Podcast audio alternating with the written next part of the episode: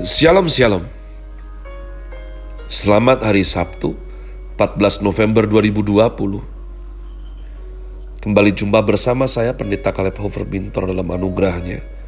Penuh sukacita sampaikan pesan Tuhan melalui program Chris Word yakni suatu program renungan harian yang disusun dengan disiplin kami doakan dengan setia supaya makin dalam kita boleh pengertian mengenai iman, pengharapan, dan kasih yang terkandung dalam Kristus Yesus sungguh merupakan kerinduan saya bagi saudara sekalian agar supaya kasih dan kuasa firman Tuhan setiap hari sungguh-sungguh tidak pernah berhenti menjamah hati kita menggarap pola pikir, mentaklukkan pikiran kita ke dalam pikiran Kristus.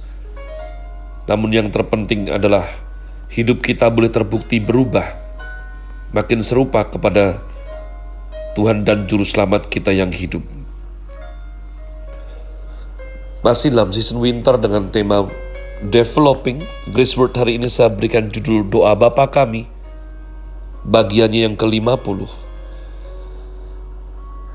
Terbayang di ingatan saya umat Tuhan, ya mengenai Nikodemus, tapi saya lupa waktu itu sudah berapa seri, rasanya sudah lama sekali tidak sebanyak ini.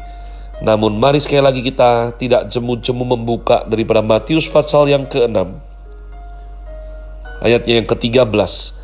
Matius 6 ayat yang ke-13 dan janganlah membawa kami ke dalam pencobaan.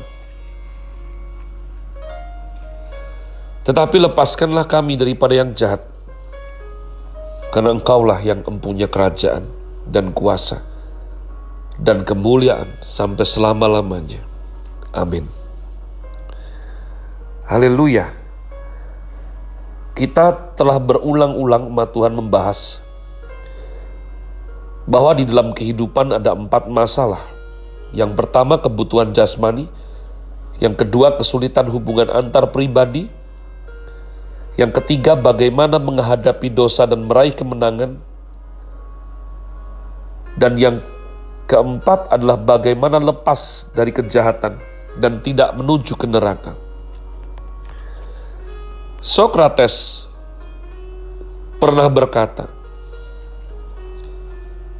The unexamined life is not worth living. Hidup yang tak teruji, tak layak dihidupi. Hidup yang tidak teruji, tidak layak dihidupi.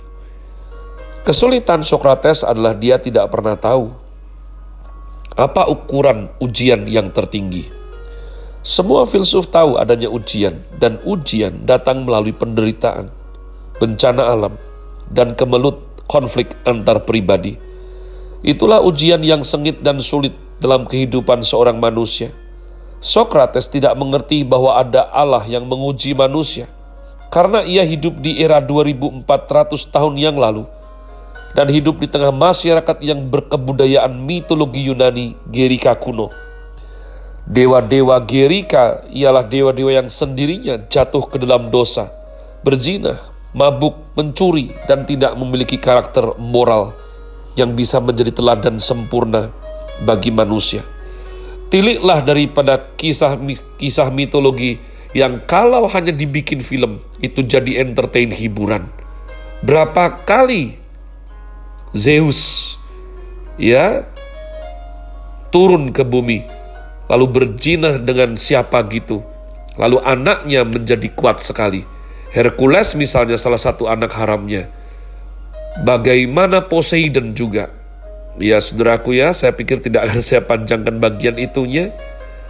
Mereka menyembah dewa-dewa yang diagung-agungkan tanpa sadar bahwa selain daripada kemutlakan, kekuatan, dan kelebihan mereka, ya, dibandingkan manusia, mereka tidak mempunyai teladan moral, standar yang jelas. Para filsuf memiliki pikiran yang mendalam, namun bagaimanapun dalamnya, tetap tidak akan mirip dengan firman Tuhan dan tidak akan pernah selamanya sebanding dengan pewahyuan daripada Tuhan sendiri. Tuhan Allah menguji manusia, dan Allah mengizinkan setan mencobai manusia. Fakta bahwa manusia terjepit di antara dua hal ini Manusia mengalami hidup yang penuh kesulitan, persimpangan yang harus dipilih, dan dalam kondisi tidak menentu. Ujian dari Tuhan Allah dan pencobaan dari iblis memiliki tiga perbedaan hakiki, yakni sumber, tujuan, dan akibat. Tujuan yang ditetapkan Allah bersifat anggun, suci, mulia, dan indah. Sementara tujuan yang diinginkan iblis bersifat rendah, hina, aib, merusak, dan menghancurkan, membinasakan.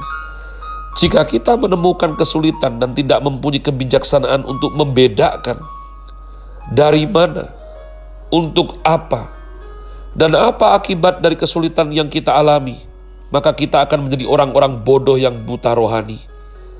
Sehingga kita akan ditipu oleh kesulitan-kesulitan itu dan tidak mendapatkan makna yang berarti di balik semua kesulitan yang terjadi. Allah yang menjadi sumber ujian ialah Allah yang baik. Sementara setan adalah sumber pencobaan yang jahat. Yang baik dan yang jahat senantiasa ada di sekitar kita sehingga mau tidak mau kita harus memilih. Manusia cenderung berada dalam posisi yang pasif dalam hal ini. Sehingga manusia tidak memilih ujian atau pencobaan yang ia alami. Tidak tentu Tuhan yang akan menguji engkau seperti menguji Ayub dan Daud. Cara Tuhan menguji adalah berdasarkan kebijaksanaan Allah yang tertinggi, kedaulatannya yang tidak bisa diganggu gugat. Ketika kita minta diuji oleh Tuhan, itu berarti kita sudah siap menerima segala ujian yang sulit.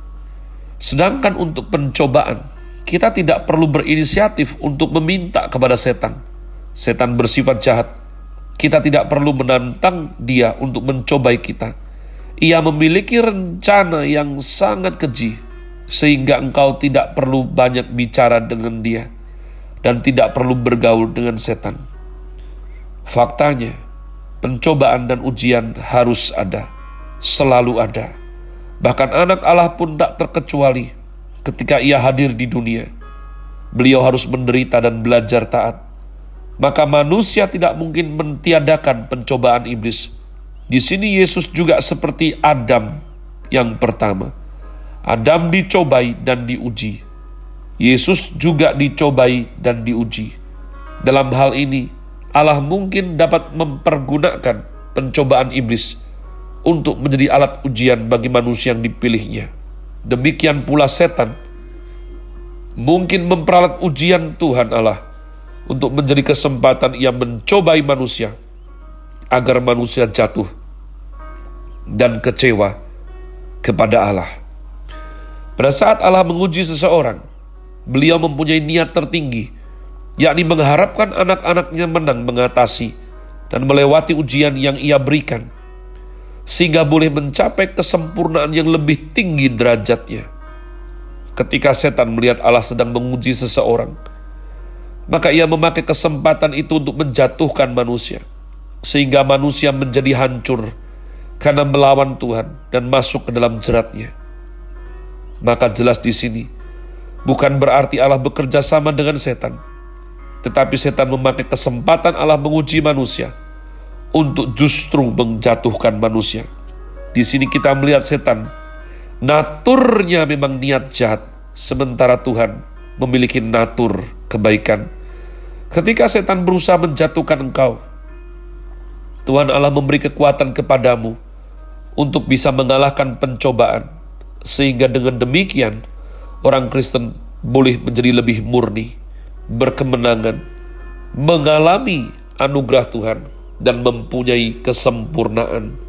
Ingat bahwa iman tanpa perbuatan adalah hakikatnya mati. Buat apa mengerti, mengerti begitu banyak hal, tapi tidak bisa melakukannya di lapangan umat Tuhan.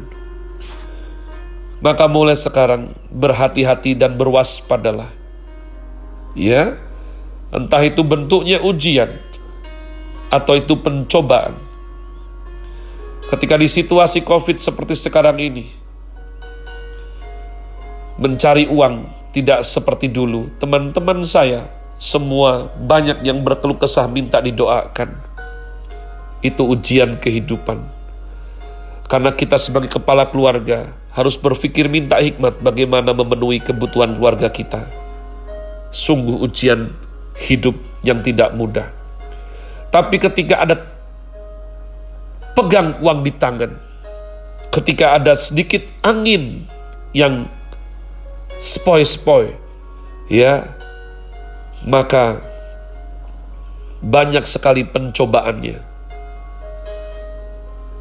Entah itu godaan dari wanita cantik, entah itu hawa nafsumu menggeliat. Saya kabarkan hati-hati dengan reoni. Reoni itu bagus, nostalgia, tapi juga bisa menjadi jerat nostalgia. Betapa banyak kehidupan sudah sulit, sudah rumit, sudah pelik melalui reuni.